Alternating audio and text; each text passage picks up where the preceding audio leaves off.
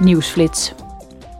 Morgen zal de subcommissie Mensenrechten samen met de commissie Buitenlandse Zaken en in samenwerking met de delegatie voor de betrekkingen met Iran van gedachten wisselen over het ondersteunen van de mensenrechten, vrijheid en democratie in Iran.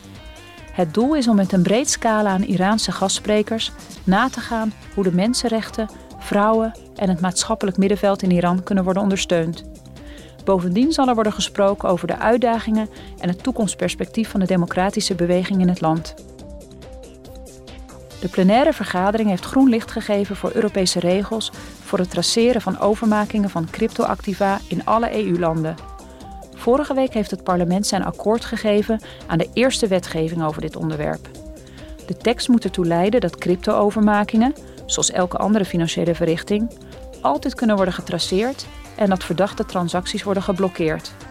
Dit is goed nieuws voor de consumentenbescherming en de waarborgen tegen marktmanipulatie en financiële criminaliteit. In Straatsburg stelden de EP-leden het Oegandese wetsvoorstel tegen LHBTIQ-personen aan de kaak en riepen zij op tot de universele decriminalisering van homoseksualiteit en transgenderisme.